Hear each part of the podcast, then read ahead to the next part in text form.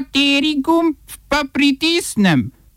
Tisti, na katerem piše OF.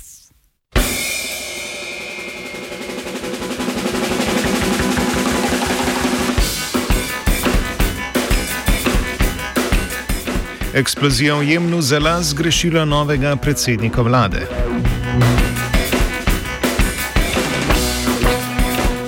Voditelji držav Evropske unije in Kitajske sklenili ključen investicijski dogovor.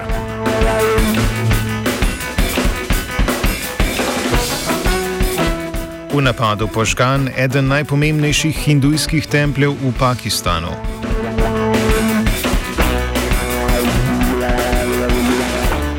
Svet SMC zavrnil podporo Karlu Arjavcu za mandatarja.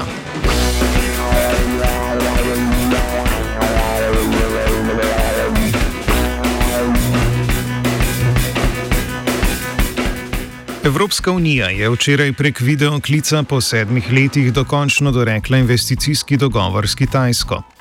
Dogovor bo odpravil omejitve za investiranje evropskih podjetij na kitajskem na področjih, kot so električna vozila, oblačno računalništvo, finančne storitve in zdravstvo.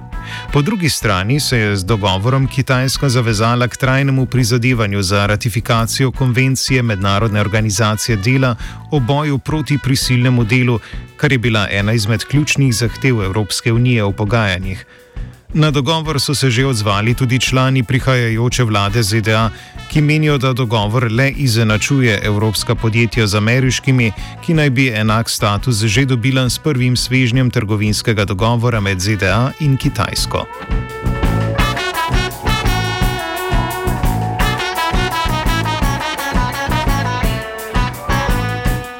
Med protestom proti domnevni razširitvi hindujskega templja v severovzhodnem pakistanskem mestu Karak je izbruhnilo nasilje, v katerem je bil tempelj povsem požgan in uničen. Med prvim miroljubnim protestom naj bi organizatorji protesta začeli množico spodbujati k nasilju, kar je vodilo do uničenja enega od štirih najsvetejših hindujskih krajev v državi. Na napad sta se že odzvali pakistanska vlada in policija, ki sta po noči že izvedli 14 aretacij v povezavi s požigom. Napadi na verske manjšine se tako v Pakistanu in Indiji v zadnjih mesecih stopnjujejo, tudi zaradi vedno ostrejše nacionalistične retorike vlad obeh držav.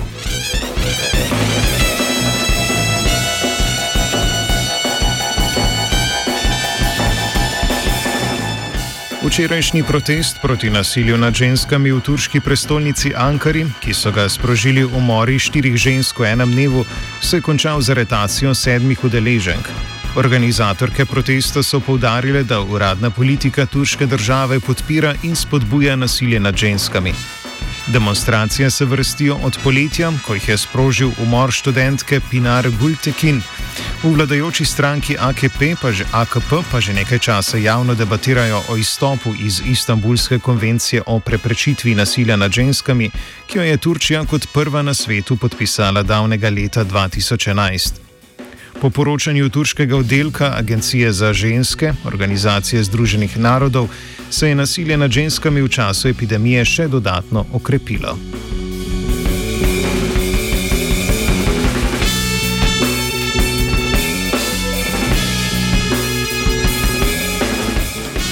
Ob prihodu novo formirane vlade je letališče v Adnu, začasni prestolnici Jemna, včeraj popovdne stresla silovita eksplozija, ki je zahtevala 26 življenj. Tarča napada naj bi bilo letalo, na katerem so potovali novo izvoljeni predsednik vlade in ministri. Vlada se je na to zatekla v predsedniško palačo, kjer so neznani storilci sprožili še eno eksplozijo, ki ni zahtevala žrtev.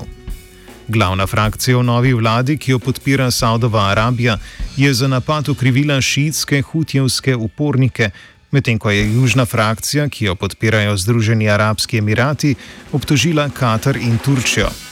Državljanska vojna v Jemnu traja že od septembra 2014, ko je šiitsko-hutjevsko gibanje, ki ga podpirata Iran in Irak, zauzelo glavno mesto Sanao.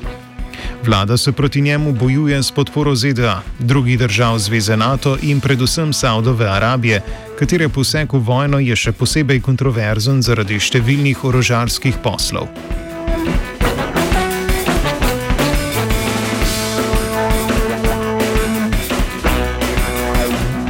Banjeluški portal Kapital.ba poroča, da je bil svetovalcu Janeza Janše Roku Snežiču prepovedan vstop v Bosno in Hercegovino. Med razlogi naj bi bila njegova upletenost v scheme tako imenovane davčne optimizacije prek fiktivnih podjetij, registriranih v Banjeluki. Snežič naj bi bil prav tako povezan s prijedorsko podjetnico Diano Džujič, ki je z SDS pred volitvami posodila 450 tisoč evrov. Mariborski podjetnik pa naj bi se dejansko trenutno nahajal prav v Banja Luki. Povedal je, da je novica o domnevni prepovedi vstopa čista neumnost in da bi prepoved vstopa v državo brez sklepa sodišča bila kršitev njegovih človekovih pravic. Če se novica izkaže za resnično pravi, da se bo moral očitno obrniti na Evropsko sodišče za človekove pravice. Oba, če bom odgovoril na angliški. Slovenija bo poskušala pomagati. Slovenija bo naredila svoj utmost, da bo rekla, da je situacija naš problem, sami. In bomo naredili nadaljnje korake, as soon as the conditions are. Bomo vlado Marjana Cererera Šarca podprli. Very, very serious news from Slovenija. We know how and we will.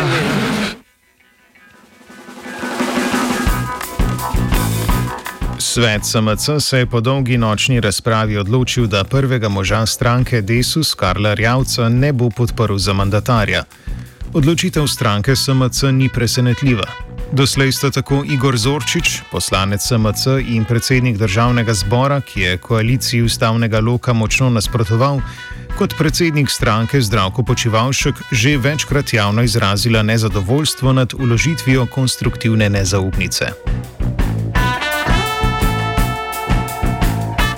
Po večerni seji je stranka SMC medijem sporočila še, da v luči nenehnih provokacij strani največje vladne stranke SMC ostaja odprta za dialog in sodelovanje z vsemi parlamentarnimi strankami. Svojo odločitev so utemeljili z izjavo, da sta za izitev epidemije in družbena, socialna ter gospodarska revitalizacija prioriteta stranke. Za življenja gre.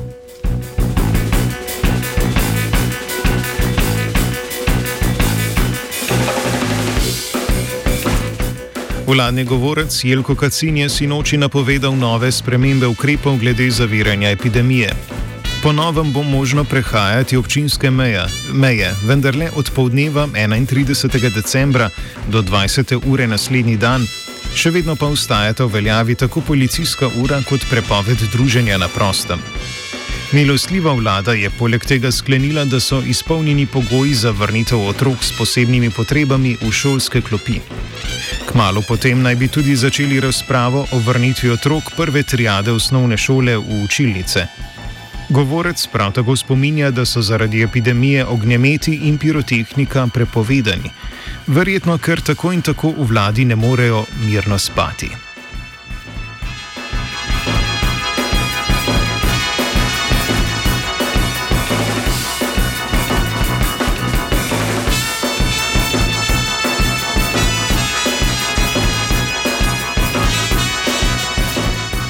Off so spisali Koruza ter vajenka Urša in vajenec Srdžan.